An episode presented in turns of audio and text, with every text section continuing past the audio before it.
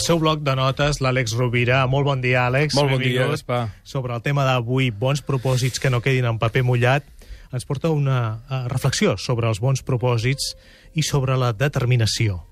Correcte. Podríem dir que un propòsit no deixa de ser més que una intenció amb una visió. A mi la reflexió que, que volia fer és que estem determinats realment a dur aquell propòsit a terme? Volem realment dur-lo a terme?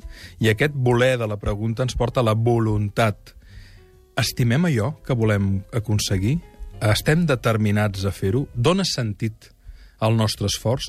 Perquè és molt difícil que un propòsit es concreti si no tenim un balanç de retorn emocional, intel·lectual, espiritual, a canvi del preu que hem de pagar.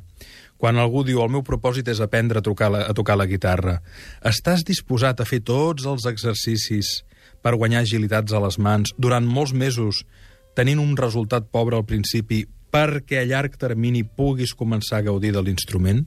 És a dir, parlar de propòsits és fàcil, però el que és difícil és trobar un sentit i un valor de retorn que mobilitzi la nostra voluntat, la nostra estimació, perquè si no hi ha determinació, és molt difícil que el propòsit es dugui a terme. Jo sempre, quan em demanen opinió sobre aquesta qüestió, dic, valora en una escala de l'1 al 10 el teu grau d'actitud, de motivació, de voler enfront al propòsit.